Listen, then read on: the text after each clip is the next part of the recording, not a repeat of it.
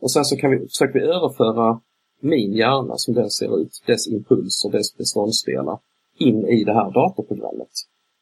Så blir ju jag, mitt jag, eh, odödligt för den fortsätter att leva i den här datorn.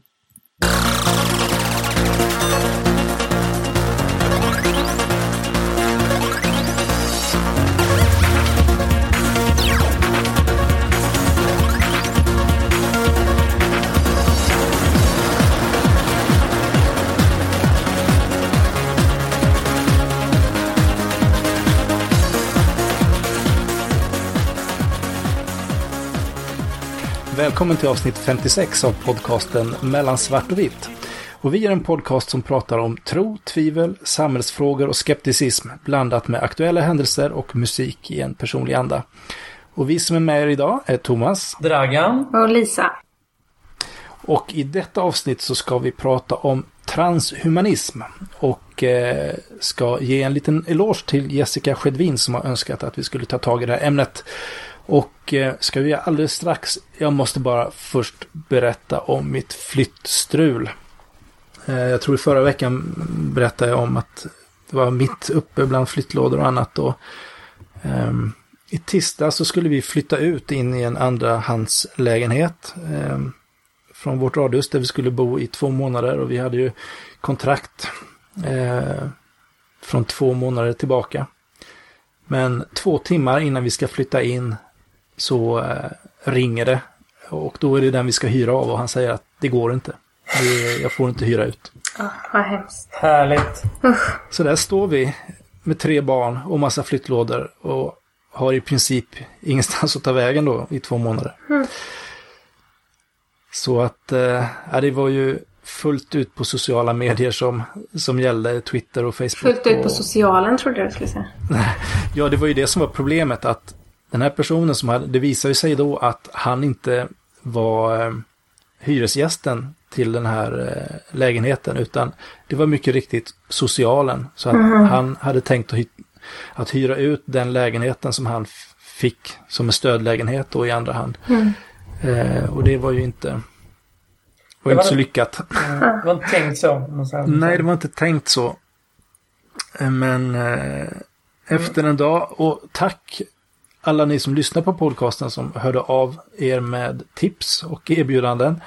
Eh, det slutade faktiskt med att jag sent på kvällen vid halv tio fick ett samtal från eh, en gammal kompis som, eh, som hade en lägenhet i samma hus som han bodde så, så fanns det en dam som som var i ett motsatt läge. Att hon hade en lägenhet som hon inte hade hunnit hyra ut och hon skulle åka iväg på resa och så. Så att eh, vi fick nycklar samma, samma dag. Så det går att fixa en lägenhet i Lund på en dag. Det är helt otroligt. Vilka, vilket I nätverk. slutet, på, ja, I slutet på augusti när alla studenter är där också. En, eh, en trea centralt i Lund vid Botaniska trädgården mellan studentnationerna.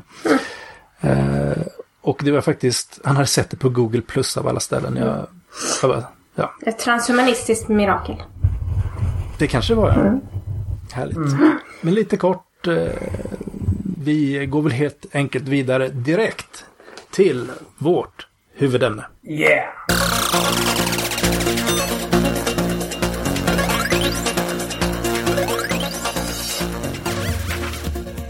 Vi ska alltså prata om transhumanism och denna veckan har vi med oss Troed Sångberg som till vardags arbetar som Mobile Futurist på Sony. Och eh, han är även styrelseledamot i Piratpartiet och i Människa Plus. Välkommen till Mellan svart och vitt. Hejsan allihopa! Tack så mycket för den fina introduktionen. Roligt att vara med. Jag har lyssnat på flera av era program. Det är alltid intressanta diskussioner. Du har alltså lyssnat? Ja då, det har jag. Ja. Eh, Det kallas förberedelse. Ja, precis. Jag har också förberett mig lite inför det här avsnittet. Eh, tänkte börja med att fråga transhumanism. Vad är det för någonting? Ja, vi tar väl alla de enkla frågorna här så här till att börja med då. Ja, Eh, transhumanism, om man förutsätter en, en kunskap om humanism, skulle väl kunna vara en sorts ehm, eftertänksamhet där man funderar på att om vi nu vet vad som är människa och hur människor fungerar och så som vi ser ut idag vid den här tidpunkten i historien. Vad kan vi då göra? Vad håller vi på att göra? Är människan en specifik sak som är oföränderlig och kommer fortsätta vara oföränderlig i framtiden? Eller är människan föränderlig? Kan det vara så om vi tittar på oss historiskt, att vi har förändrat oss, att vi håller på att förändra oss?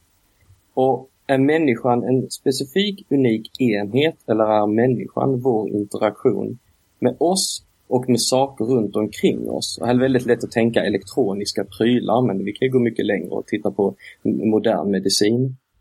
Och om det nu är Mm. så att människan är mycket, mycket mer, våra prylar runt omkring oss, vår medicin, vad kan vi då göra?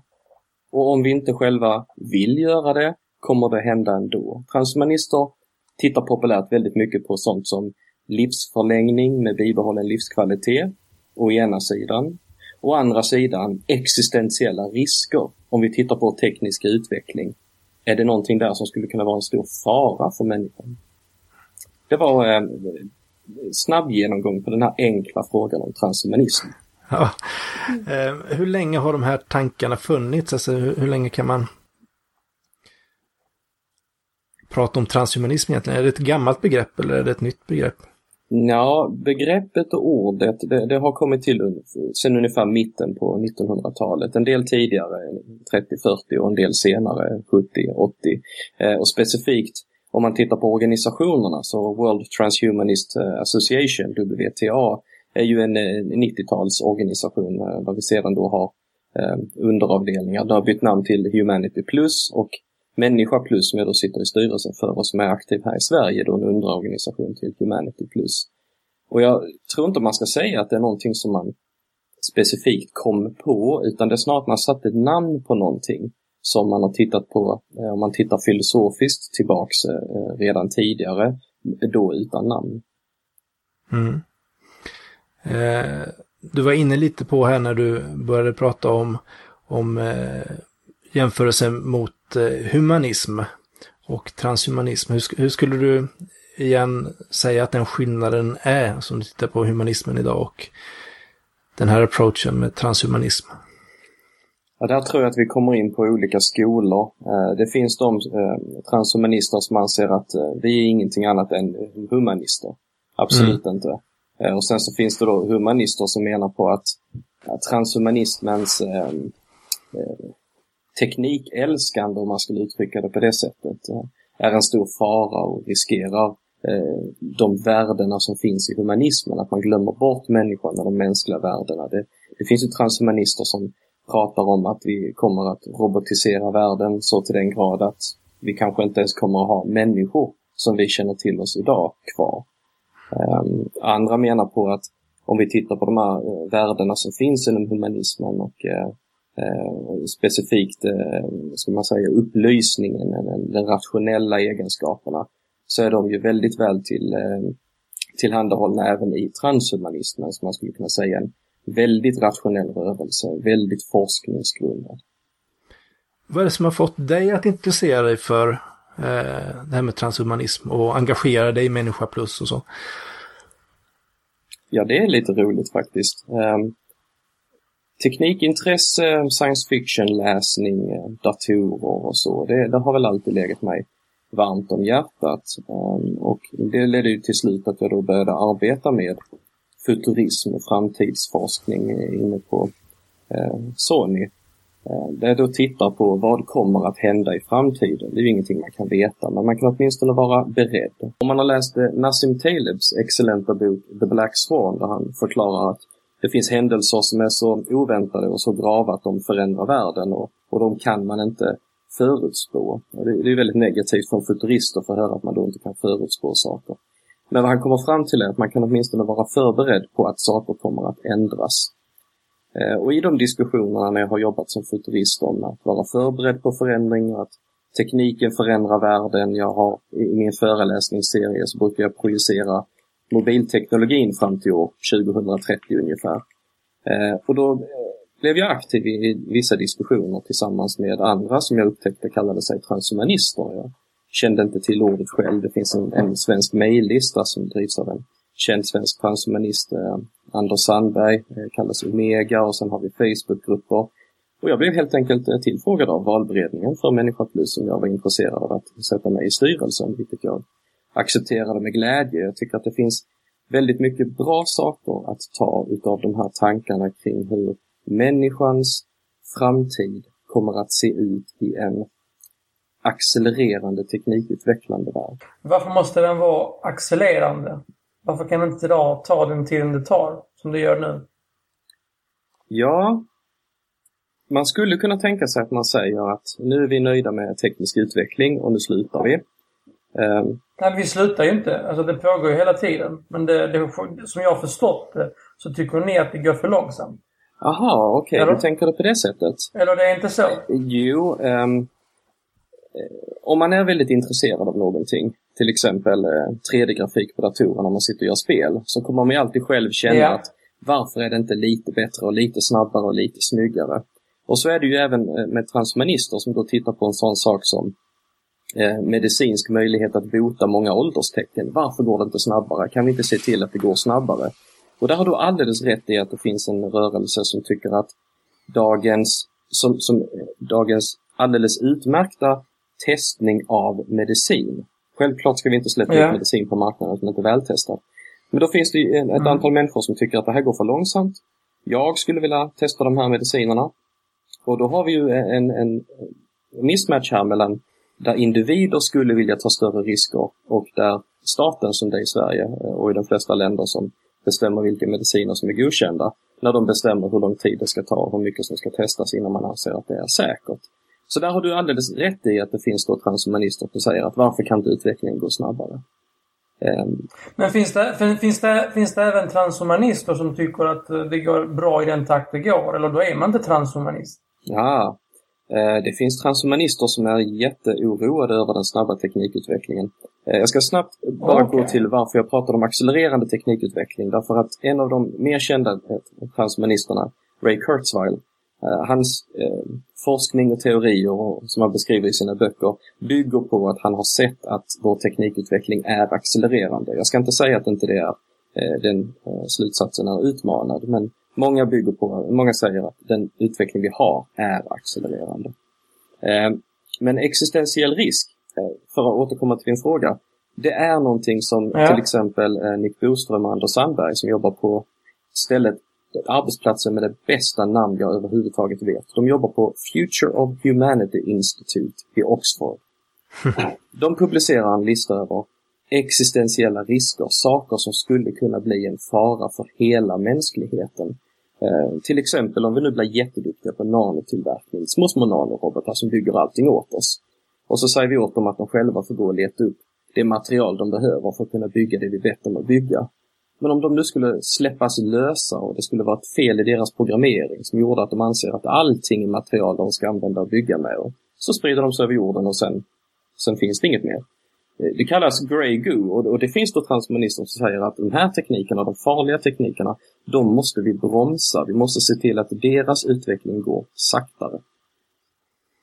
Mm. Jag tänkte här, du var inne lite på att eh, den här medicinska eh, forskningen och sånt där, att, eh, att det finns hinder för att kanske då testa eh, nya preparat eller eh, ja, nya saker man har kommit fram till. Är det, är det vanligt att, att transhumanister skulle vilja göra försök på sig själva. Antingen eh, med teknik eller med eh, ja, mediciner. Mm. Att de leker försökskaniner, det vill säga? Ja, det, det är faktiskt väldigt vanligt. Um, och det har en viss anknytning till en rörelse som kallas Quantified Self. Där man ska ta mätvärden på sin egen person för att komma fram till resultat som är uh, viktiga för en själv.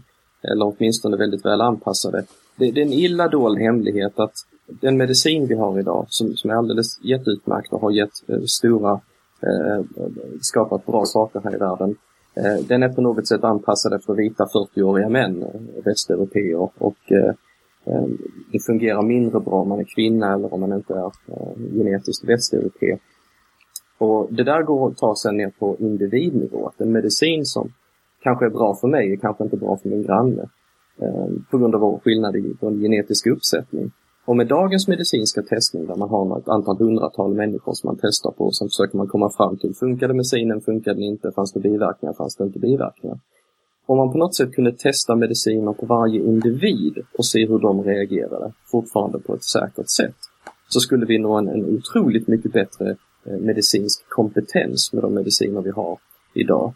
Ehm, och det här eh, sysslar då Quantified Self-rörelsen och många transhumanister med. De menar på att om jag är medveten om riskerna, om jag tar dagliga mätvärden och håller koll på om, om det håller på att bli någon biverkning, varför skulle jag då inte få använda den här medicinen och se om den funkar för mig utan biverkningar istället för att gå med på någon slags universaltestning som ska ha gjorts med ett antal, ett fåtal hundra individer där man sedan har avgjort att nej, biverkningarna var för ett antal av de här personerna för allvarliga. Men lägger man inte över ett väldigt stort ansvar på de här individerna som i så fall skulle testa det här på sig själv? Det, krävs ju en hel del tester så att säga. Det låter ju inte troligt att det skulle fungera. Ja, det är ju engagerade individer som idag skulle ta sig den tiden och, och använda den utrustningen som krävs för att hålla koll på sina mätvärden. Men här igen är det ett område som man då som transhumanist ofta litar lite till teknikutvecklingen, både den mekaniska och den biologiska och menar på att det skulle väl gå alldeles utmärkt att bygga om toaletten där hemma. Så att Men vi är, nog inte, vi, vi är inte där idag, eller? Tycker du vi är där idag där man kan börja med något sånt? Ja, det är lite av en hönan och ägget situation.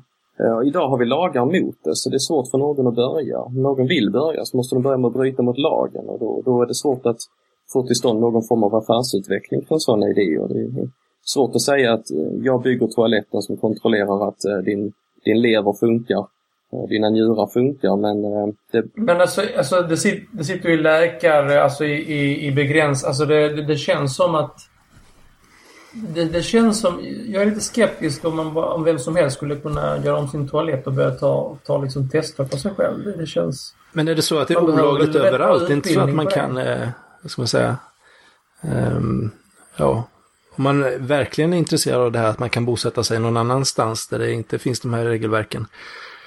Mm. Eh, till viss del är det ju sant. Det finns en, en medicin som heter modafinil som eh, många transhumanister pratar om. Det är en narkolepsimedicin men om man inte är narkoleptiker så har den den funktionen att den gör dig pigg och vaken.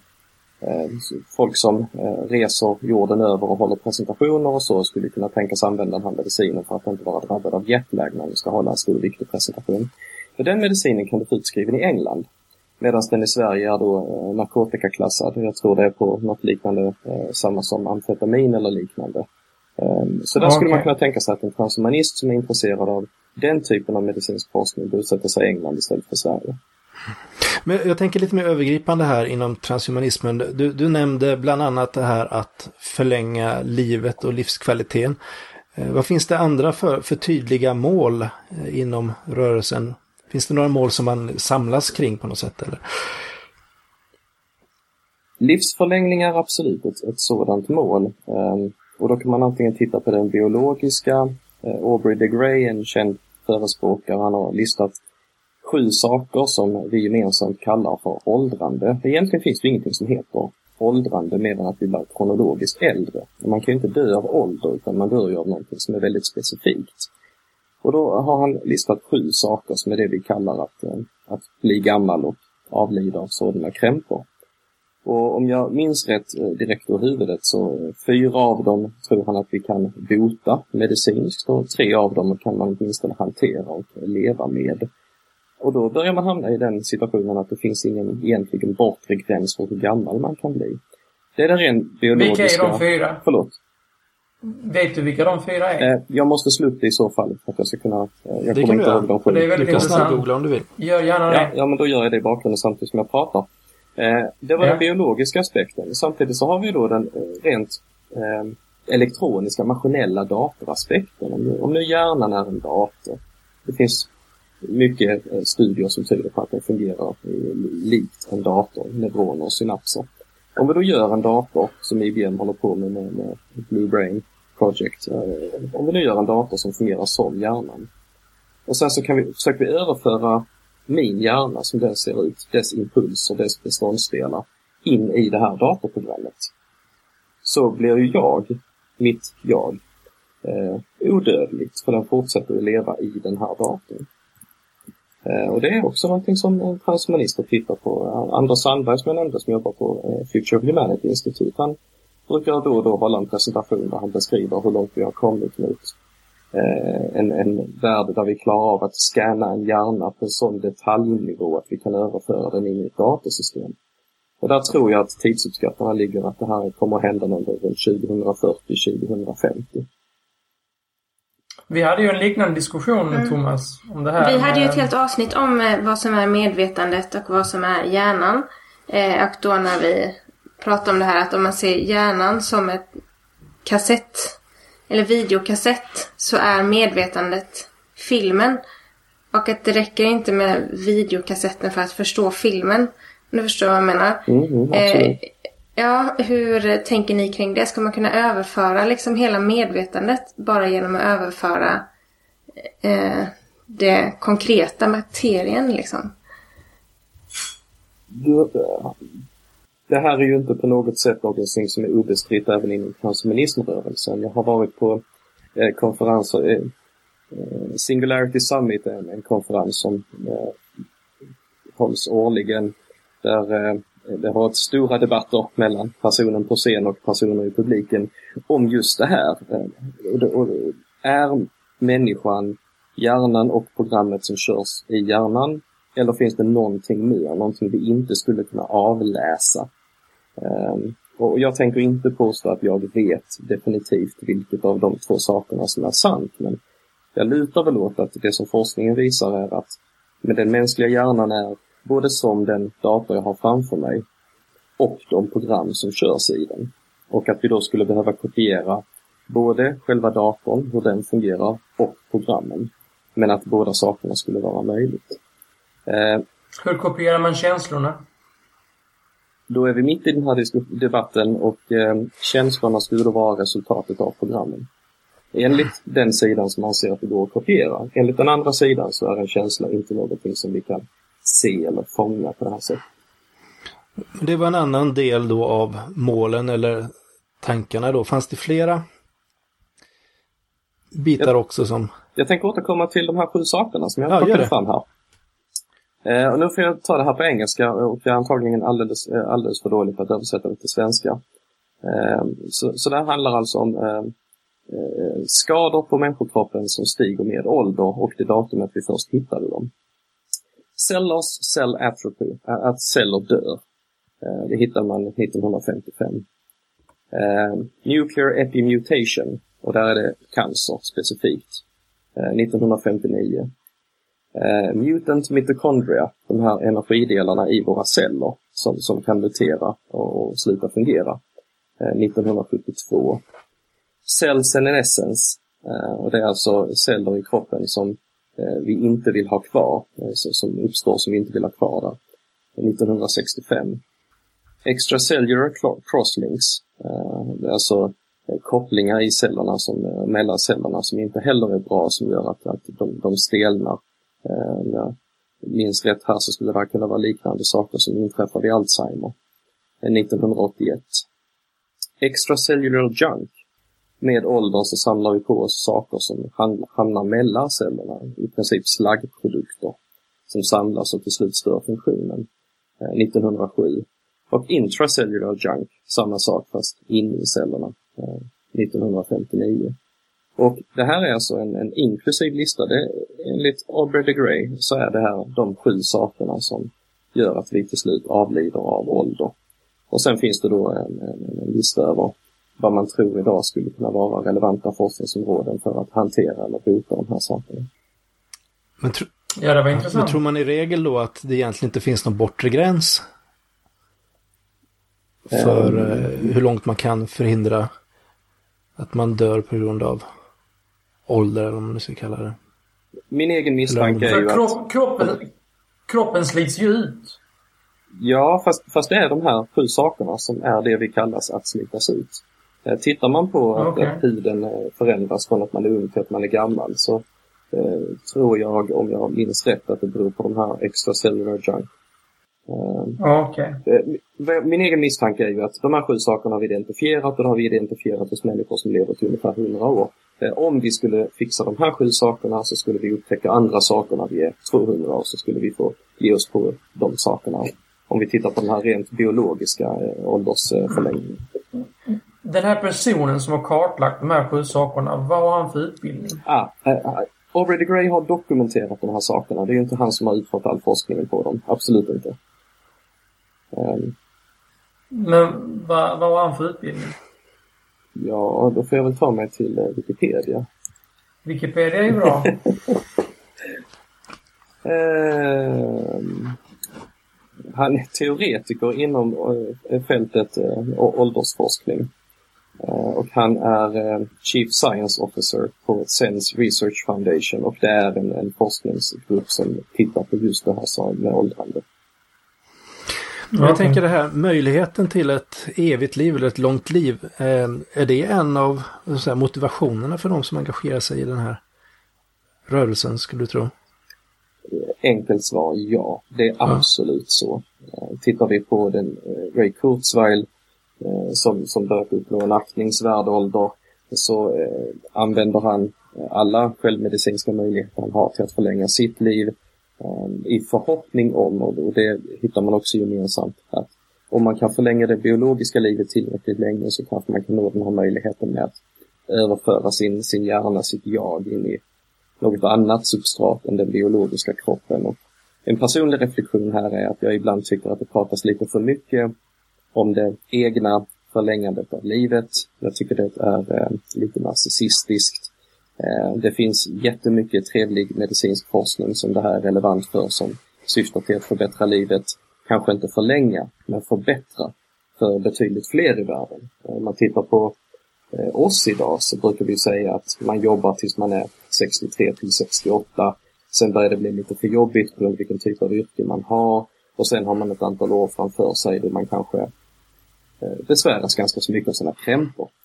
Även utan att förlänga livet så vore det ju värt väldigt mycket för en stor mängd människor om man bara helt enkelt levde ett bättre liv. De här 20 åren man har eh, när man gått i pension. Och det tycker jag är en alldeles utmärkt, eh, en utmärkt motivation till att göra forskning på det här området som inte nödvändigtvis handlar om att förlänga ens eget liv. För det känns ju som att man behandlar lite samma frågor som ofta görs i olika religioner. Eh, om, om det finns något liv efter detta eller om det finns ett evigt liv och, och eh, de här bitarna. Och frågan är ju då om, om, om vi nu skulle lyckas förlänga livet eller till och med kunna överföra vårt medvetande. Vad tror ni, skulle, skulle intresset för religion minska i så fall? Ja, det tror jag. Vad tror ni andra? Om vi tar bort det här med evigt liv eh, och döden ur ekvationen. Mm. Om helt plötsligt vi skulle kunna uppnå det genom de här vetenskapliga framstegen. Då fallerar ju många trossatser. Jo, men om vi, om vi bara undantar det här med trossatser. Vi har ju fortfarande den här frågan var vi kommer vi ifrån det? och så vidare. Varför skulle vi undanta det? Eh, ja, kanske. Det är inte den delen som går ut på att man vill ha liksom, hopp om ett eh, bättre liv, hopp om ett evigt liv. Inte den delen som går ut på att man vill känna att jag är inte ensam. Det finns en mening med mig, det är någon som vill att jag ska finnas. Så det beror på vilken av delarna. Men den ena delen blir det ju mindre behov av. Men då, då tänker ni på, på religionen som ett litet smörgåsbord där ni tar åt er det som så att säga är bra för stunden och sen så... Men det är inte det jag, prat det är inte det jag pratar om nu, eh, Dragan. Jag pratar om att det finns ett antal olika frågor som människor mm. eh, ställer sig och som, som kanske ligger till grund för många av de religioner som finns. Och det är frågan om var kommer vi ifrån? Mm. Finns det något liv efter detta? Eh, ja.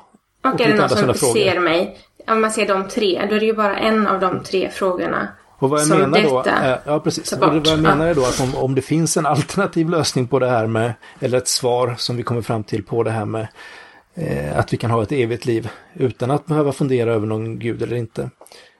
Då undrar jag lite vad som, eh, frågan är egentligen vad, vad skulle det, skulle intresset för religion minska då? Om man ska gå här eh, tre gånger så lång tid så är också chansen större att man tycker att det känns meningslöst och tröttnar. Och då minskar ju inte risken för att man ska tänka varför är jag här? Är det någon mening med allt det här? Den skulle ju ändå finnas kvar även om jag levde längre. Vad tror du Troed? Det, religion är ett väldigt vitt begrepp. Eh, inte alla religioner pratar ju om ett liv efter detta. Eh, och jag skulle kunna tänka mig att eh, en del religioner skulle acceptera tanken på en, en ordentlig livsförlängning Eh, mer än andra.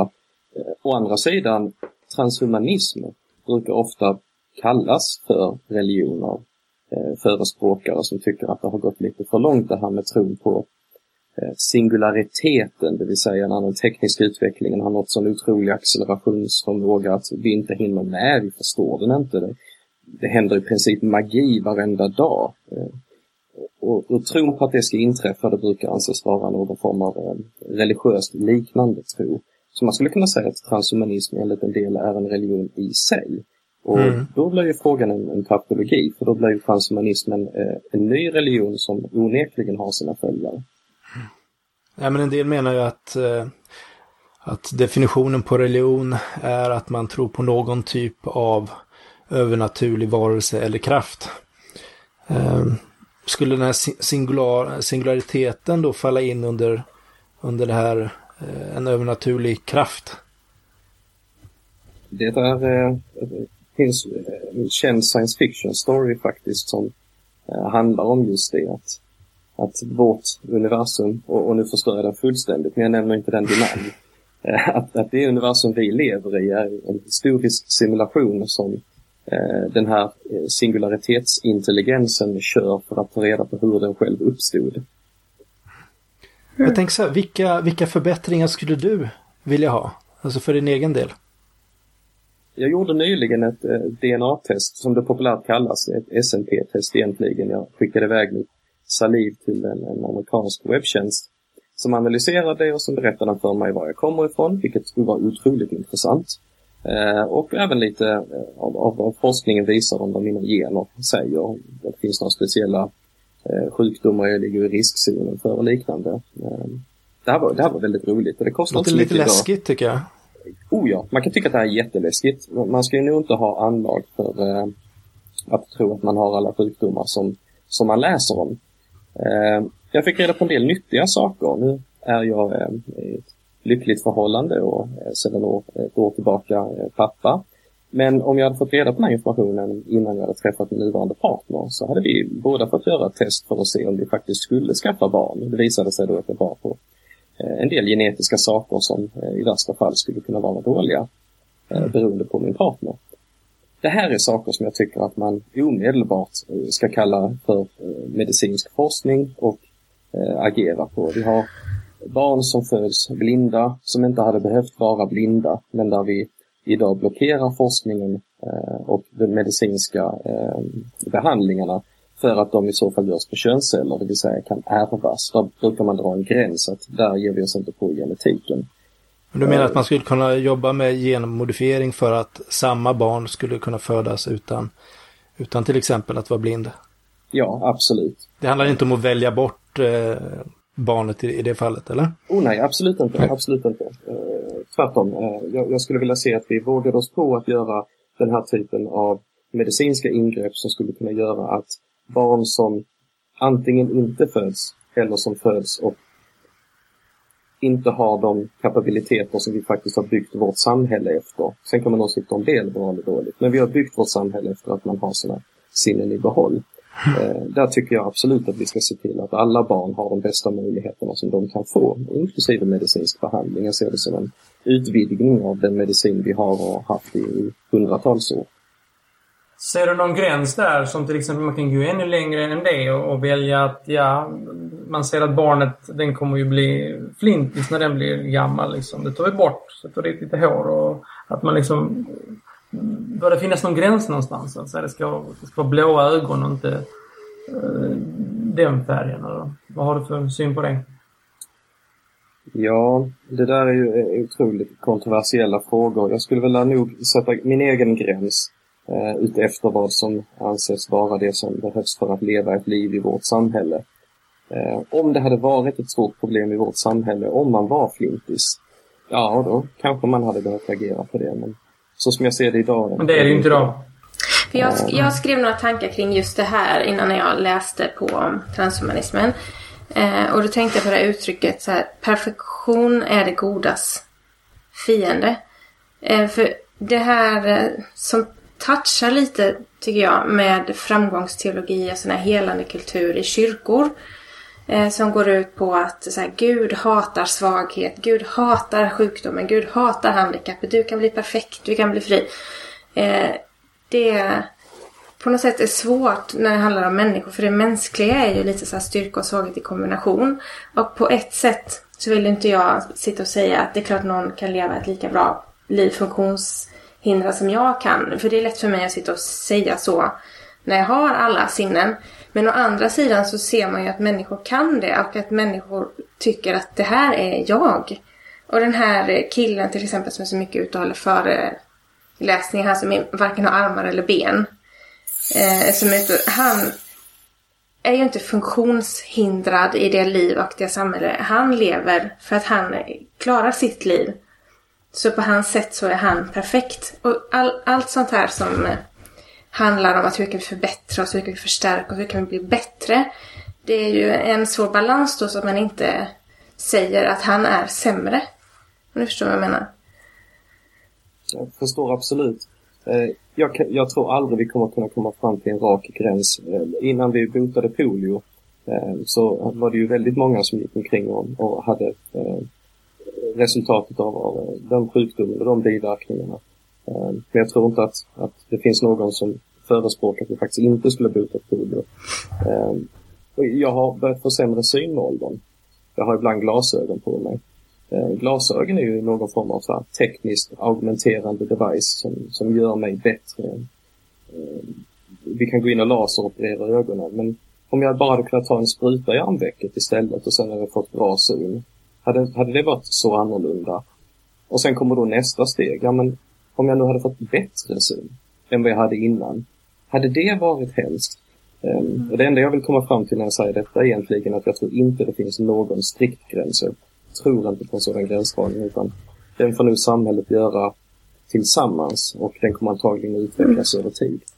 För nu kommer du in på min andra då, när du sa det med polio. Och det är det att de här enkla, enklare sjukdomarna eh, som vi har redan botemedel mot, de satsar vi ju inte nu på att se till att alla får. För eh, det tänkte jag, vi lever ju redan väldigt länge. Eh, antagligen kommer jag leva tills jag är 80-90 år och mina barn till och med 100. Jag tar extremt mycket av jordens resurser som det är jämfört med andra.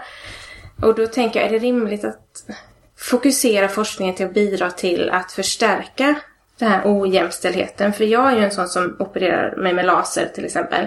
Och som kommer eh, få ut mer av det här än vad de som är fattiga nu får. Jag är den som kommer ta ännu mer av jordens resurser i längre år framöver. Eh, och samtidigt då så är det att 7 miljoner barn under fem år dör varje år. 7 miljoner. Och det, det är liksom en lunginflammation, malaria, eh, magsjuka, hiv.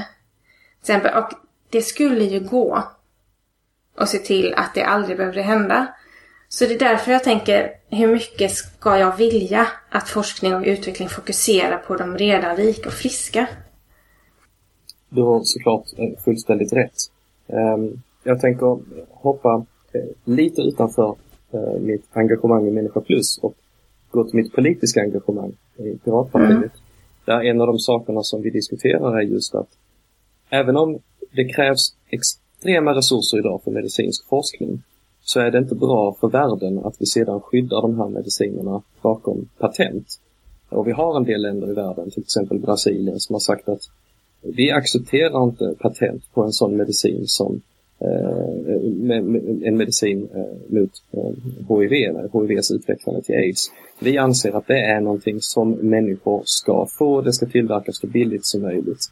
Eh, och det har varit då stora strider mellan eh, länder eh, som, som anser att med medicinska företagen ska få tjäna pengar på att de har lagt ner den här forskningen och tagit fram medicinen och bara sälja till rika länder. För så fungerar det idag. Det är bara i rika länder där det finns ett socialt skyddsnät eller stora privata försäkringar där någon har råd att egentligen eh, köpa eh, bromsmedicin mot HIV. Eh, och där tycker jag att här måste man se till den större bilden och till människor globalt när man, när man tittar på när medicinska lösningarna och är det för dyrt att göra den här medicinska forskningen idag, ja då får vi titta på andra sätt att göra medicinsk forskning. Ehm, och då skulle man kunna komma tillbaka till mm. Fast det att det, att det redan finns och i till exempel Indien och många afrikanska länder så är det gratis så att man liksom vunnit den striden och alla har rätt till gratis hivmedicin nu. Men det är liksom annat som gör att fortfarande så dör så många. Så jag menar det, det är andra satsningar som krävs och att det är ojämlikheten i världen som gör att de dör, inte att man inte har tillgång till hiv. Och då menar jag att om man fokuserar mycket på de redan rika, redan länge levande ska ha ännu mer och ännu bättre, förstärker man inte då själva ojämlikheten som är den som gör att vissa lider så mycket i onödan? Med den frågan liksom. Fast det är ju en politisk fråga egentligen. Ja men om du skulle leva 300 år redan om 50 år. Då skulle ingenting finnas kvar till de som redan nu har mindre. För det är inte de som skulle... Det, men det har inte med patent... Nej men det har inte med det. det hiv var ju bara ett av de här. Men anledningen till att så många dör det är ju fattigdomsfrågor och ojämlikhetsfrågor. Och det är det jag tänker att vi som kommer leva längre och få det bättre är ju antagligen då vi som redan har det för bra jämfört med andra. Det är ju inte de som, barnen som nu då, som skulle bli de första att leva 300 år till exempel om det här skulle funkat. Ja, det är väl inte det första de tänker på i dagsläget. Skulle man kunna tänka sig. Mm. Eh, eftersom, jag, eftersom jag jobbar med, med att titta på framtiden och hur saker utvecklas så måste jag ibland eh, projicera ut efterifrån tillgängliga kurvor och då ska man nog först säga att vi gör inte allting fel därför eh, andelen fattiga i världen minskar faktiskt, eh, inte mm. ökar. Eh, så, så om man tittar på den globala fattigdomen och de som har det absolut svårast så är det, det är lite bättre för dem idag än vad det var för ett tag sedan. Det betyder absolut inte att det är bra. Men det betyder att om man drar i de här kurvorna så, så ser det åtminstone bättre ut. Eh, och en av de anledningarna är den globaliserade världen där saker sprids betydligt snabbare än det gjorde förut. Och en annan är att teknisk utveckling, om man tittar på eh, att saker blir billigare, det gör också att, att fler får tillgång till dem. Eh, vi ser just nu, om man tittar i mitt yrke, att eh, mobilindustrin Eh, utvecklas ju otroligt snabbt i Afrika där man aldrig lägger ner kablarna i marken och de aldrig skaffar sig någon hem-PC utan man går direkt till trådlösa nätverk och en mobil. Och den mobilen gör att man håller koll på eh, och kan kontakta hela sin släkt, man kan göra alla sina bankärenden, man kan få reda på använda mobilen för att ta reda på att medicinen man tänker äta faktiskt är ett original och inte ett piratkopia som i värsta fall inte kommer att fungera. Eh, och, förbättra liv. Och det här kan låta otroligt konstigt att vi pratar om människor som nätt har mat för dagen. Att deras liv blir bättre av att de får en mobil. Men det är så. Eh, fiskare som precis har dragit upp fångsten behöver få reda på vilken hamn ska de åka till för att just nu kunna sälja sin fisk och få det bästa priset och det gör de redan ute på havet eh, med en mobil, en faktisk sak. Så Absolut. den tekniska utvecklingen som i väst kanske används för att någon ska leva till 300 år är inte, den står inte enbart för sig själv utan den innebär också att saker händer på andra ställen i världen. Och vår förhoppning är ju såklart att det används för att minska klyftor eh, istället för att öka dem.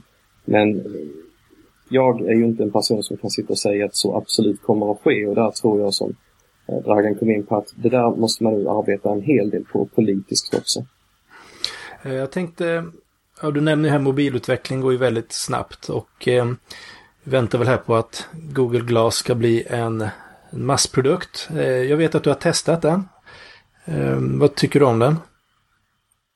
Ja, eh, Augmented Reality Visors, så som jag beskriver den här produktkategorin, den har varit en del av min föreläsningsserie sedan 2008-2009. Eh, för om man ska prata någonting om att eh, saker förändras i framtiden och det ska vara relevant för ett företag så måste man fundera på när händer någonting som förändrar hela vår industri i grunden. Och det hände i mobilindustrin ungefär 2006-2007 när vi gick från att ha knapptelefoner till eh, touchskärmar. Eh, och det kommer att hända igen när vi kommer att ersätta de här mobilerna vi går omkring med idag och det är min hypotes att det kommer att hända med den här typen av glasögon. Google Glass är då en av de första produkterna som kommer att komma ut i, i ett populärt konsumentled, men det finns redan sådana. Eh, och min arbetsgivare visade upp redan 2009, tror jag det var på CES, med Tom Hanks, ett, par. Ehm, det här fungerar alldeles otroligt bra. Så länge man tänker på att det ska fungera för eh, sin egen eh, sak och upplevelse av världen. Det är inte så att man tar det man gör idag på en dator och flyttar rakt över till Eh, ett par glasögon och klicka med muspekare på ikoner och liknande. Det gör man absolut inte. Eh, men att ha dem på sig, väldigt lätta, inte speciellt mycket i vägen. Eh, och Google Glass fungerar som så att de inte lägger upp bilden precis där du tittar. Det finns andra produkter som gör det, utan det är lite mer som en backspegel i bilen. Du sneglar upp på den för att få information. Ni har säkert befunnit er i situationen att ni står och pratar med en människa eller är på ett möte eller liknande. Kanske sitter och fikar. Och så vibrerar det till i fickan. Och man vet ju att man väntar på någonting som skulle kunna vara ganska så intressant. Den här impulsen att ta upp mobilen och börja pilla på den är så otroligt stark. Väldigt, väldigt många i samhället gör detta idag. Det är nästan en generationsfråga där den yngre generationen ses som otrevlig. En produkt som Google Glass kommer faktiskt att undvika de här situationerna. Snabbt litet ögonkast så vet jag om det var någonting jag behöver agera på eller inte. Och jag försvinner inte bort från samtalet jag var i. Ehm, och det, det, är min hypotes att det här kommer att bli en, eh, en, eh, allmän konsumentprodukt ungefär två års tid. Ehm, vi kommer att höra många, vi som sitter i detta samtalet kanske, eh, och många som man möter på stan kommer gå omkring med den här typen av produkter. Ehm, och sen älskar jag då att göra den här förlängningen jag pratade om i början när jag sa att jag drar mobilindustrin fram till år 2030. Och då utgår jag då från de här typerna av produkter och sen så nämner jag att om vi tittar på den tekniska utvecklingen idag, för det här är redan i test, så kommer vi då att ersätta glasögonen med linser. Där vi då får linser som vi sätter i ögonen och sen så kommer de att visa saker framför oss. Eh, precis som, som eh, linser idag förbättrar synen. Eh, och förlänger vi, och det kommer hända ungefär år 2020, 2023. Eh, och hoppar vi sen tio år till framåt.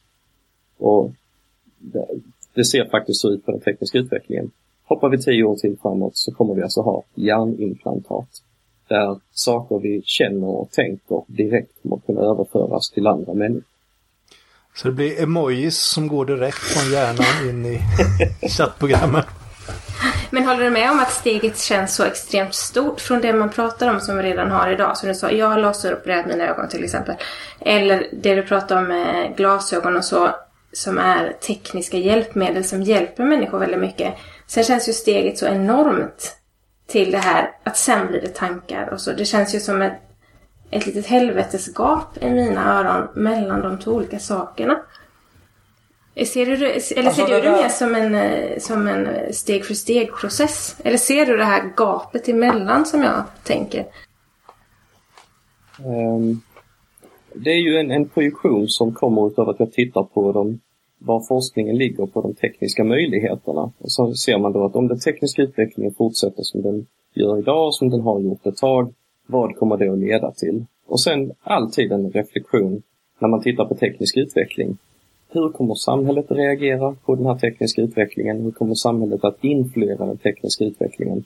Och hur kommer den tekniska utvecklingen att influera samhället?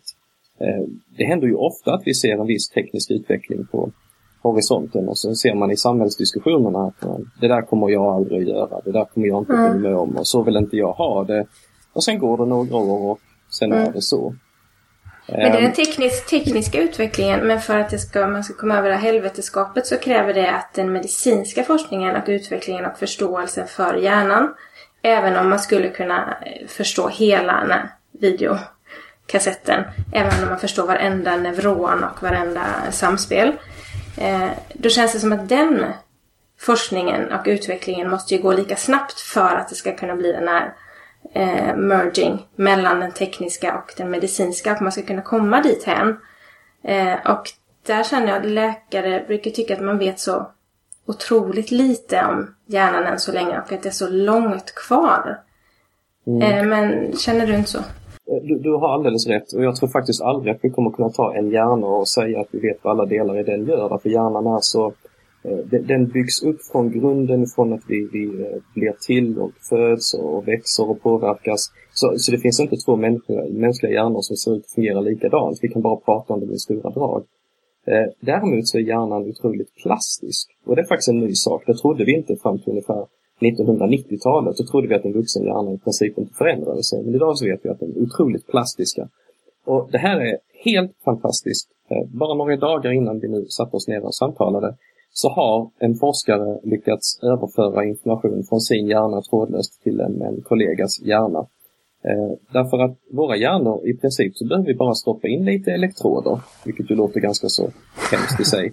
Eh, så går det att få ut signaler från dem och det går att få in signaler i en annan hjärna via elektroderna och sen lär vi oss. Precis som vi lärt oss att cykla och köra bil så lär sig hjärnan att hantera de här signalerna. Vad var det för signaler som Ja. man skickade över då? Ja, eh, då är vi till det här med plastiska hjärnan. Jag ska berätta en liten historia här. Ni, har ni körkort allihopa? Ja då. Ja. Då vet ni att när man börjar köra bil så är det jättemycket tankekraft kraft som krävs för att ha koll på vad man ska göra och så ska jag styra och så ska jag titta upp i backspegeln och när det händer någonting så tar det ett litet tag och sen reagerar man. Man känner sig lite klumpig. Efter ett tag, om man kör bil, så märker man att det där är ingenting man fungerar, funderar på överhuvudtaget. Det går helt naturligt, man sätter sig i bilen och så kör man. Och det som har hänt, och detta har man sett genom att, att, att helt enkelt scanna en annan hjärna som, som gör detta, Eh, det är att hjärnan behandlar bilen efter ett tag precis som en kroppsdel.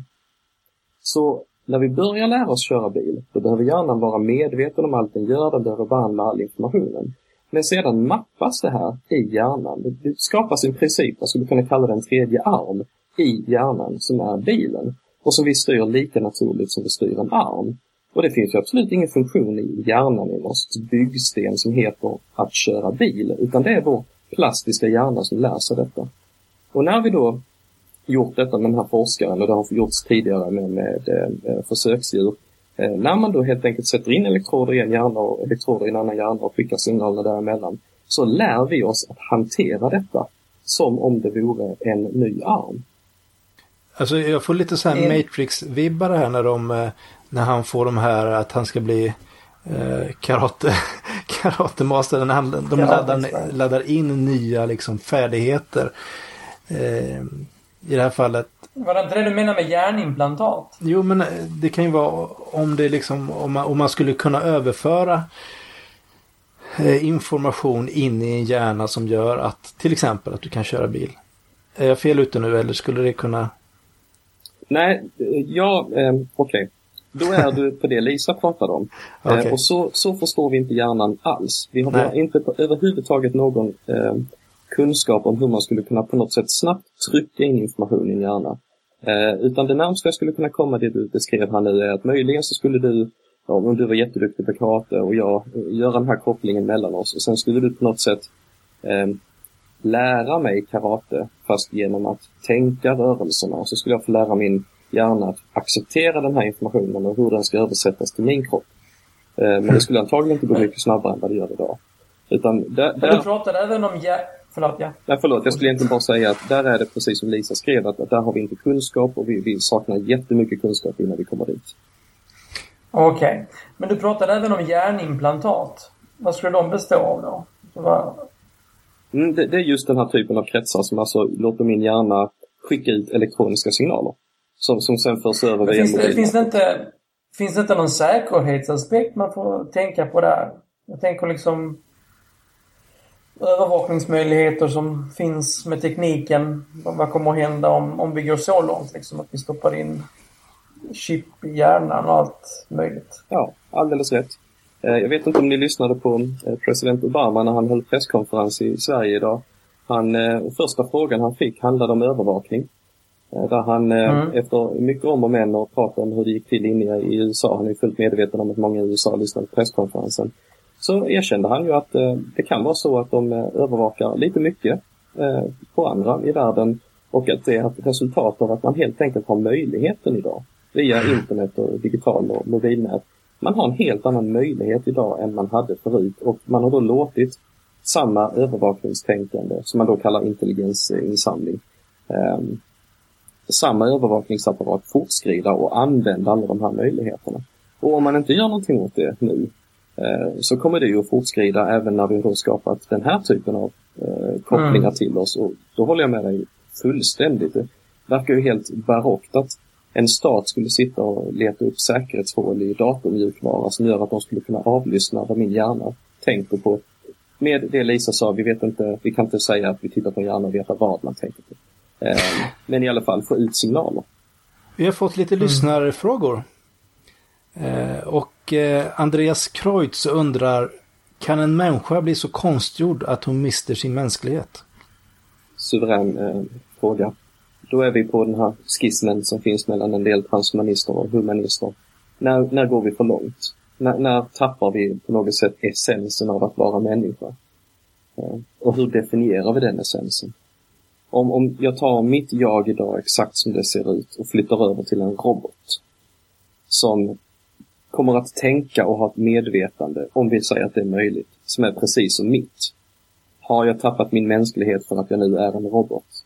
Och jag har inget bra svar på den frågan och jag ärligt talat skulle gärna vilja höra er andras åsikter eh, om detta. Såg ni på Hubbotarna, den serien? Mm. Ja, jag såg den. Det var ju intressant, man tänkte ju mycket på det då faktiskt. Eh, när de blev mer och mer liksom människolika och när människorna började ha dem som kärlekspartners. Mm. Eh, mm. Nej men eh, på något sätt, jag, många upplever väl också när man, alltså när kroppen slutar att fungera, låt oss säga att man skulle vara helt förlamad, att man förlorar lite av sig själv.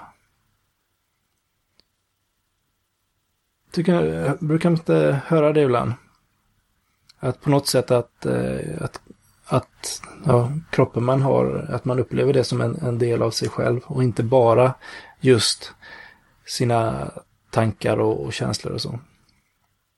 Ja men så är det ju. Mm.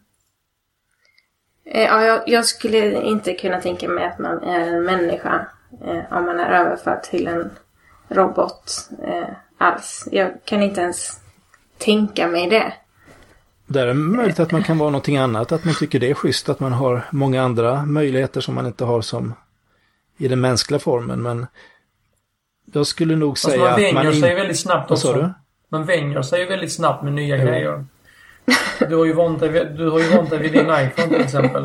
Då kan vi gärna bli en För, för, tio, för tio år sedan så kvittar det liksom. Ja visst, nej men det, det är ju som det här med iPhonen är ju också en förlängd, det är ju en tredje arm. En del av dig numera. um, nej men jag tror, existerar man till exempel i en dator istället, då tror jag då får man nog säga att man har gått ifrån alltså, det, det rent mänskliga. Um, så. En ny eh, fråga? Ja, jag har fler frågor här. Um. Vi har från Joakim. Han undrar, vad anser ni om futuristen Ray Kurzweils förutsägelser? Sannolika eller lite väl optimistiska? Här är jag inte alls med på vad han menar, men det vet säkert du, Troed. Eh, ja, det vet jag. Ehm, Ray Kurzweil har skrivit böcker länge och i dem har han gjort förutsägelser om att saker ska inträffa. Han, han drar sina kurvor och säger att den accelererande utvecklingen kommer innebära att vi år 2009 så dör eh, eller försvinner den vanliga PCn. Eh, då kommer vi inte ha datorer som är PCs längre. Hade han rätt eller fel? Det kan man ju tvista om ett tag. När Ray Kurzweil och hans gäng med assistenter går igenom hans förutsägelser så kommer de fram till att han har jätterätt jättemycket. Mm. När andra gör det så kommer man fram till att han har haft fel jättemycket, jätteofta. Och jag tror inte att man kommer mycket längre där. Men om man går in på de sakerna som då är förutspådda att hända framöver så brukar ju singulariteten vara det här som är mest intressant. Eh, där den tekniska utvecklingen eh, går så snabbt att en mänsklig hjärna inte hinner med. Eh, ibland så kallar man det för eh, eh, AI plus, AI plus, det vill säga att vi skapar en, en artificiell intelligens, hur vi nu än gör det, som är lika smart som en människa. Och dagen efter så skapas det en artificiell intelligens som är lika smart som en människa, plus ett. Då kommer ju den artificiella intelligensen att kunna uppfinna en artificiell intelligens som är ännu smartare än vad den är. Och eftersom de här elektroniska processerna går ganska så kvickt och kommer att göra vid 2040-2050 så säger det i princip bara pang och sen så har vi då intelligenser som är så otroligt smarta att vi inte klarar av att förstå dem.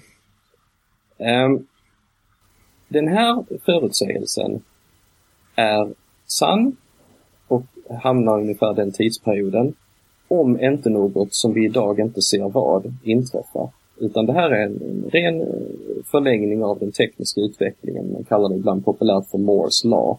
Eh, datorer blir snabbare och snabbare och snabbare. Eh, så i princip är det väl ett, ett vänta och se approach som väldigt många använder. Att det ser nog ut som att det kommer att hända och vi kan inte hitta någon riktigt stor anledning till varför det inte skulle bli så. Men finns det ett tecken på att att det skulle finnas en artificiell intelligens som kan skapa någonting, alltså nytt på egen hand? Eller var det en grundförutsättning för teorin att man skulle kunna ha en artificiell, artificiell, artificiell ähm, äh, intelligens som är, ja, har samma kapacitet som människan? Ja, eh, det, det är en grundförutsättning. Eh, och där brukar man säga att om vi inte klarar av att på något sätt bygga den så kommer den att skapas när vi kan kopiera hjärnan. Mm. Och då är vi tillbaks till diskussionen här. Räcker en kopiering eller inte? Och där, igen, där är det mest vänta och se för vi vet helt enkelt inte. För där kan ju 2040-2050 vara rätt så optimistiskt. Ganska snart. Det, det, är faktiskt den tidsperioden som det gäller även om vi tittar på vilken detaljrikedom vi har på en, en hjärnscanning. Mm. Eh, jag, jag, fick själv min hjärna skannad 1998 eh, eh, när jag bodde i Ronneby efter en, en kollaps. Jag pratade med min nuvarande läkare för två år sedan. Var han nyfiken och ville titta på de bilderna. Men när han hade fått dem så bara skakade han på huvudet och menade på att de är så otroligt suddiga att där ser man ju ingenting. Så 1998, det som var state of the art, det förkastade vi 2011 och menade på att det är ju ingenting jämfört med det vi har idag. Det går inte ens att använda. Och den utvecklingen är också accelererande. Så då kan vi ju projicera att den utvecklingen som då tog 13 år, den kommer att inträffa på 7 år nästa gång och sen kommer det dubbleras igen och hända på 3 år och hända på ett och ett halvt år. Ja.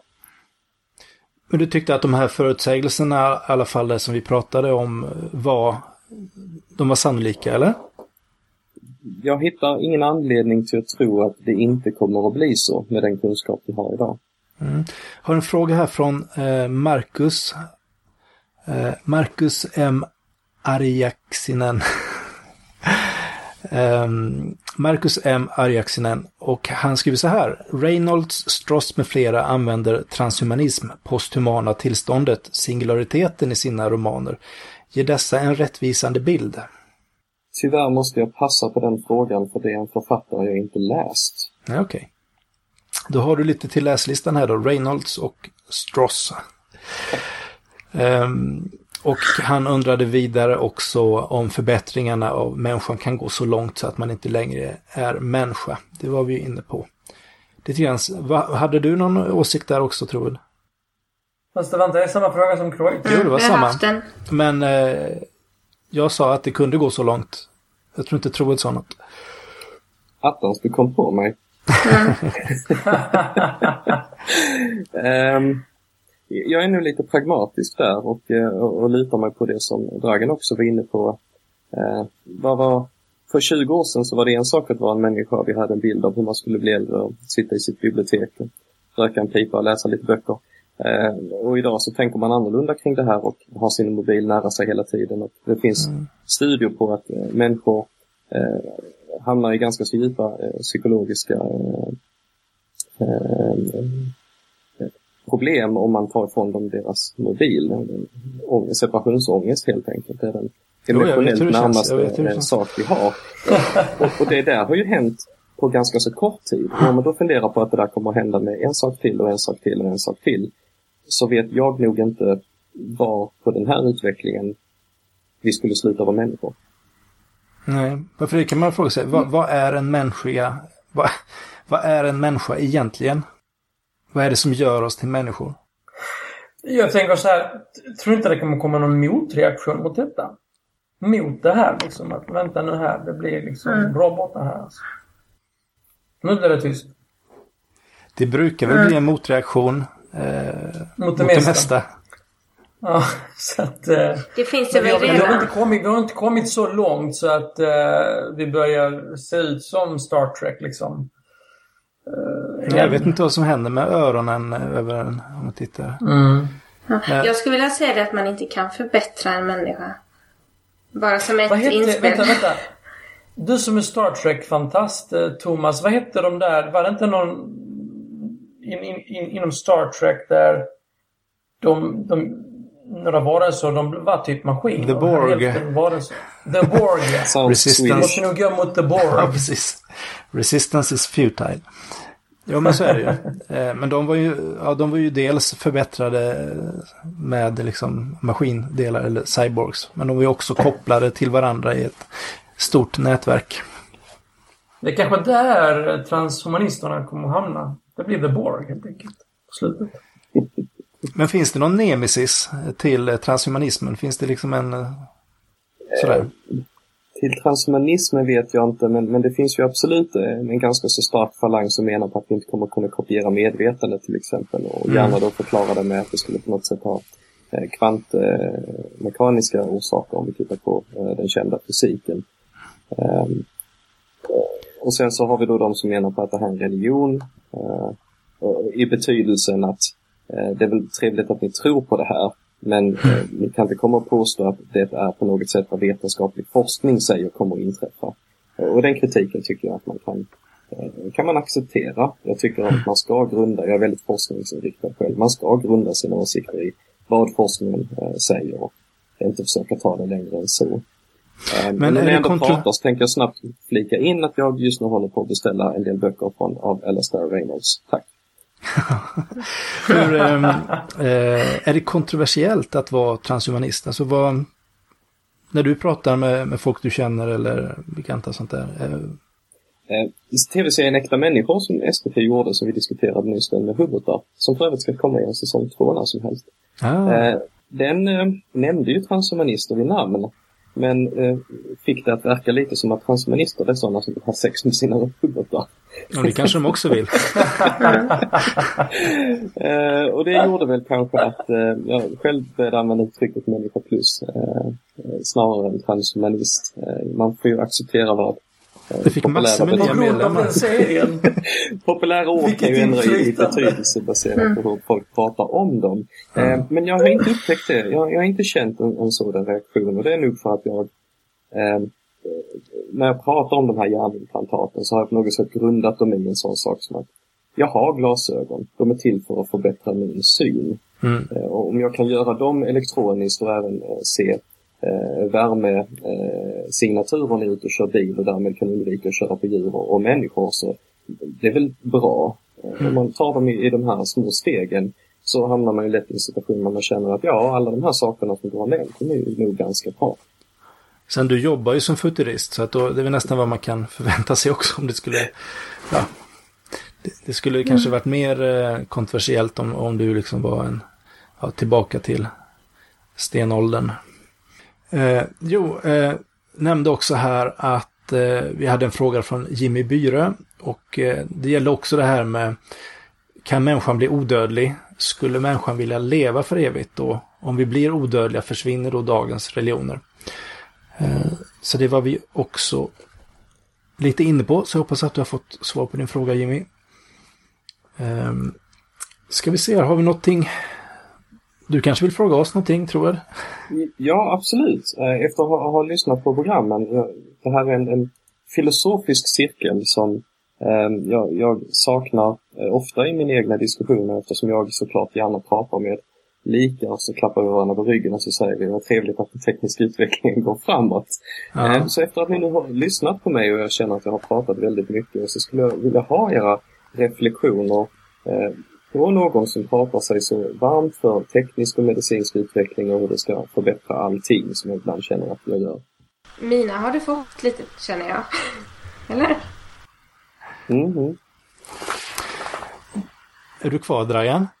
Jag är kvar, jag är kvar. Eh, min åsikt är väl, jag, jag tycker faktiskt att eh, vi går i en rätt så bra fart som vi gör och jag är rätt så nöjd med den. Eh, jag tycker inte vi ska låta människor göra om sina badrum och eh, experimentera på sig själva. vad, gör de, vad, gör det, vad gör det om de gör om sina badrum? Alltså för att experimentera med sig själva. det låter ju väldigt spännande. Ja, men jag, jag förstår, alltså, jag, jag pratade jag, om toalettstolarna. Eh, specifikt var det så att jag började ta en medicin som, som kunde ha dåliga effekter på njurarna. Eh, och okay. gjorde det i samförstånd med min läkare. Och jag behövde komma in två gånger i veckan under ett tag och eh, helt enkelt ta eh, blodprov för att kontrollera att ingenting farligt höll på att hända som bieffekt av den här medicinen. Eh, och då nämnde jag att det kan man ju bygga om min toalettstol till att hantera istället.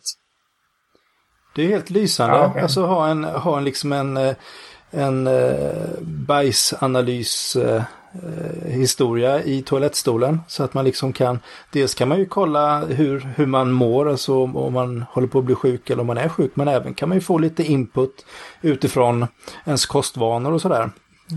Eh, kanske toaletten ger en, en uppläxning att man har käkat för mycket skräpmat eller så. Eh, min eh, reflektion om jag ska säga är att dels så har jag svårt att liksom tro på att det kommer funka på det här sättet som, som eh, du sa.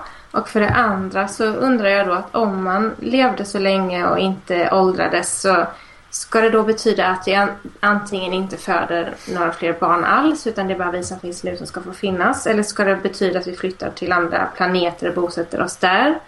Eh, så jag, och även om det funkar så blir det ju en katastrof känner jag då. Eller vad har ni för svar på det?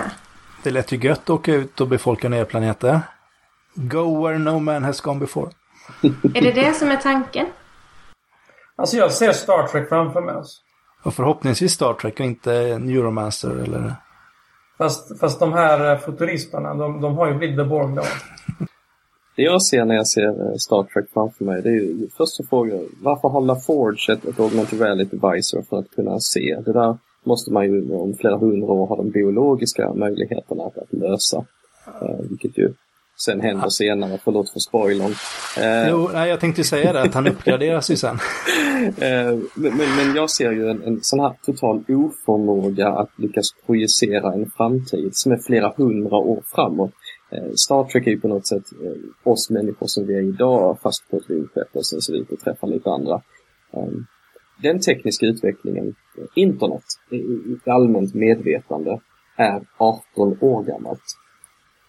Och vi har en accelererande teknologisk utveckling enligt alla kurvor som vi kan rita när det gäller sådana här saker. Så lika stor samhällsförändring som internet har inneburit de senaste 18 åren kommer att hända nästa 12. Och det vet vi nog inte hur den kommer att se ut ännu, utan så mycket samhällsförändring kommer att ske redan på 12 år. Eh, så eh, jag tror absolut att vi kommer att åka ut och befolka andra planeter. Jag är inte alls säker på att vi kommer göra det i våra biologiska kroppar. Eh, jag tror att vi kommer att vara fler människor. Tittar vi på befolkningskurvan som FN projicerar för idag så kommer vi att toppa ut på 10 miljarder och sen att det blir fler. Jag tror att när man lever ett, ett gigantiskt mm. jättelångt liv så slutar man se det som att man har en utbildning och ett yrke. Utan det är någonting man kommer att byta så här vart femte år. Och om vi kan upprätthålla den här nyfikenheten och känslan av att det hela tiden händer nya saker i livet eh, så kommer vi nog inte ha som vi har idag, en fas mellan 20 och, ja, för min egen del 40, eh, där man då skaffar barn. Utan det här är kanske någonting som man gör på ett annat planerat sätt eller vid andra tidpunkter.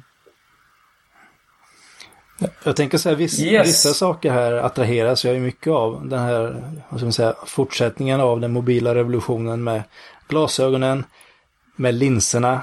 Eh, jag bara väntar på att de ska komma ut.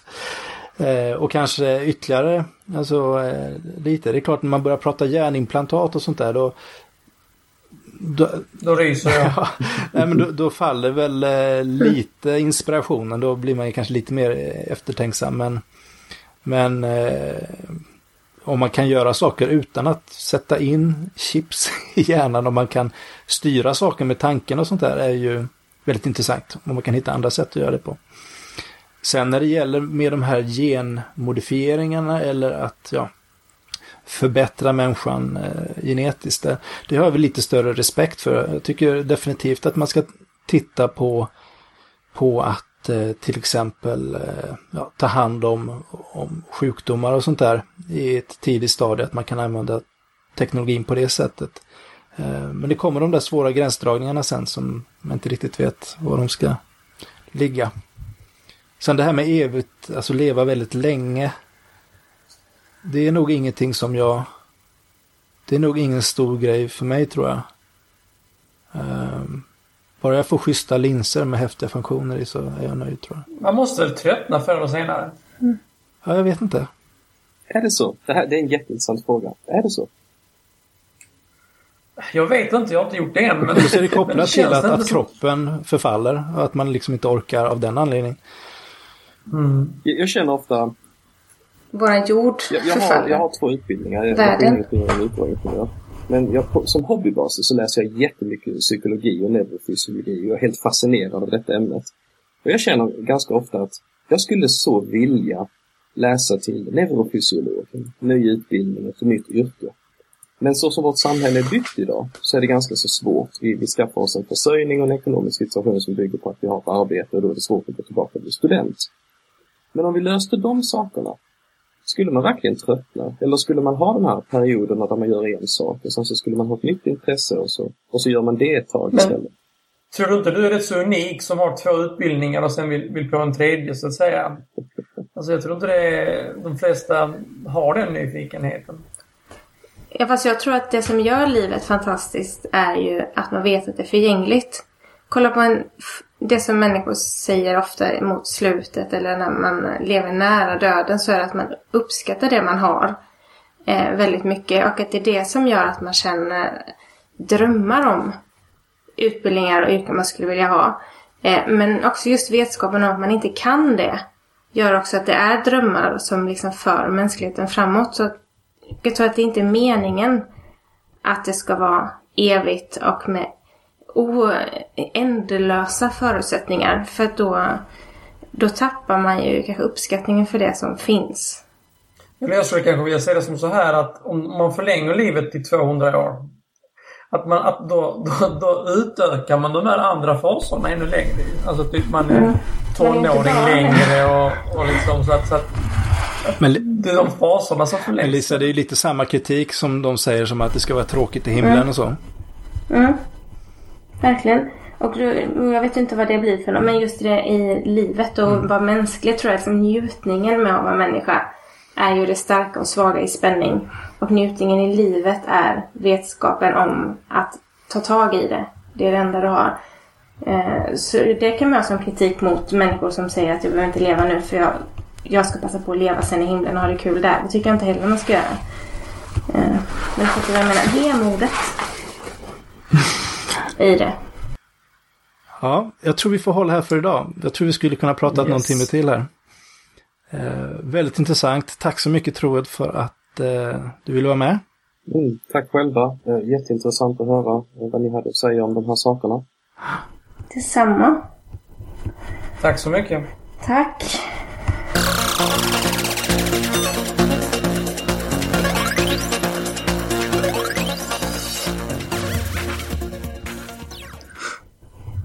Ja, och det var det huvudämnet.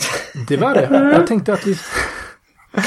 Jag tänkte att vi ska ta några citat, bara lite så här. Och eh, jag har hittat ett bibelord eh, som lyder så här. Och det ser till att alla, höga och låga, rika och fattiga, fria och slavar, får ett märke på högra handen eller på pannan. Och att ingen kan köpa eller sälja utan att ha märket, odjurets namn eller talet för namnet. Här behövs vishet. Den som har förstånd ska tolka odjurets tal, ty det är en människas tal och talet är 666. Ja, det var den djävulsdyrkan det. Vad var det? Ja, nej, men vi pratade lite om det här med hjärnimplantat och liknande och eh, kristna genom historien har ju varnat för alla möjliga olika saker. Eh, de första kristna, till exempel, fanns det de som inte ville handla med mynt. Eh, på grund av detta. Eh, och det har ju pratats om när det här med streckkoder kom till exempel så var det ju en sån sak som man varnade för också att snart så har vi en streckkod på oss och så. Mm. Och nu är det hjärnimplantat. Ja, och jag mm. tänker fortsätta i varningens tecken här med veckans förnuftiga funderare. Och eh, den lyder så här idag. They who can give up essential liberty to obtain a little temporary safety deserve neither liberty nor safety. Och det är ingen mindre än Benjamin Franklin som har kommit med det här fantastiska, välkända citatet. Byt inte frihet mot Thomas. Trygghet. Säkerhet. Precis. Ja. Så, Eh, och Det lät som något som vi- USA skulle kunna säga om Sverige. En amerikan som pratar om Sverige. Lät det som. Lite. Det passar ju bra nu när Obama Passar bra. är i Sverige. Ja, passar, ja den, har, den passar till mycket kan man säga. eh, och sen så skulle vi ju egentligen köra ett musikinslag och så var det Lisas tur. Lisa, hur Ja, det jag vet det? inte. Det var Nej, nog egentligen min det. tur. Men eh, jag brände allt krut på när jag höll allsång på gårdsfesten. Som en liten, eh, liten final på vårt eh, Mm. radhusboende. Så vi låter helt enkelt musikfastan hålla i även den här veckan. Ja, precis. Ja. Och då glider vi så sm- smidigt in till eftersnack. Ja, vad har vi lärt oss idag? Vi har lärt oss en hel del och det var ett väldigt intressant eh, avsnitt eh, den här gången som jag tror kommer lyssnas av många. Det finns ju en hel del etiska frågor och sånt där som, som man tror jag kan diskutera väldigt mycket. Eh, och eh, Det är första gången jag blev provocerad av ett avsnitt Oj. i mellan svart och vitt. Jag tänkte jag, Jag blir inte jag så det lätt. varje gång. Ja, jag vet. Men jag brukar tänka så här, ja så tänker du, så tänker du. Men idag blev jag väldigt provocerad och kände så som många av våra lyssnare säger till mig ibland. Alltså, jag har inget emot dig som person. Men det du säger liksom, provocerar mig något. Så kände jag liksom. Inför det här. Okej, intressant. då. Då vet vi vad du går igång på. Mm. Mm. Hur kände du Thomas? Nej, men jag tycker, det, jag tycker det är spännande. Kul att höra Troed också. Hur lite han ser på ja, hur snabbt utvecklingen kommer att gå. Mm. Ehm, Han var bra på som att sagt- förklara tyckte jag också. ja, väldigt bra. Väldigt trevlig också. Mm. Ja, det också. Så, nej, men som jag sa, en del av den här teknikutvecklingen är ju väldigt spänd och förväntansfull inför. Och sen andra saker kanske not so much. Not so much. Okej, det var allt för den här gången. Det var det. Vi hörs nästa vecka. Ha det så bra allihopa. Absolut. Hej då! Och klippte gjorde Marcus Forsén. Tack så mycket. Du har lyssnat på podcasten Mellan svart och vitt. Vi finns på iTunes och på www.mellansvartovitt.se där du även kan kommentera avsnitten. Följ vår Facebook-sida och vårt Twitterkonto som heter svart vitt. Vi andra har Twitterkonton Thomas Schoberg, Draganist, Tant Erik och Lisa Emilia A. Vår jingel är gjord av Dragans band The Lounge.